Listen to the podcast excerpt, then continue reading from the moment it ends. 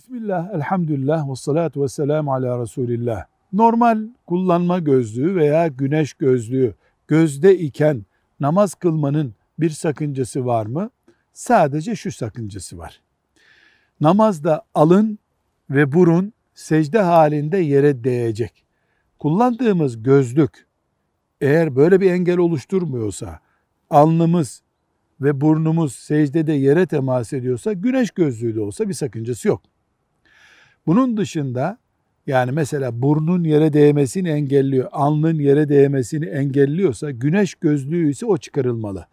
Bir ihtiyarın veya göz sorunu olan bir Müslümanın zorunlu kullanması gereken, aksi takdirde e, ayakta bile duramıyor mesela, böyle bir durum söz konusuysa o zaruretten dolayı caiz olur. Velhamdülillahi Rabbil Alemin.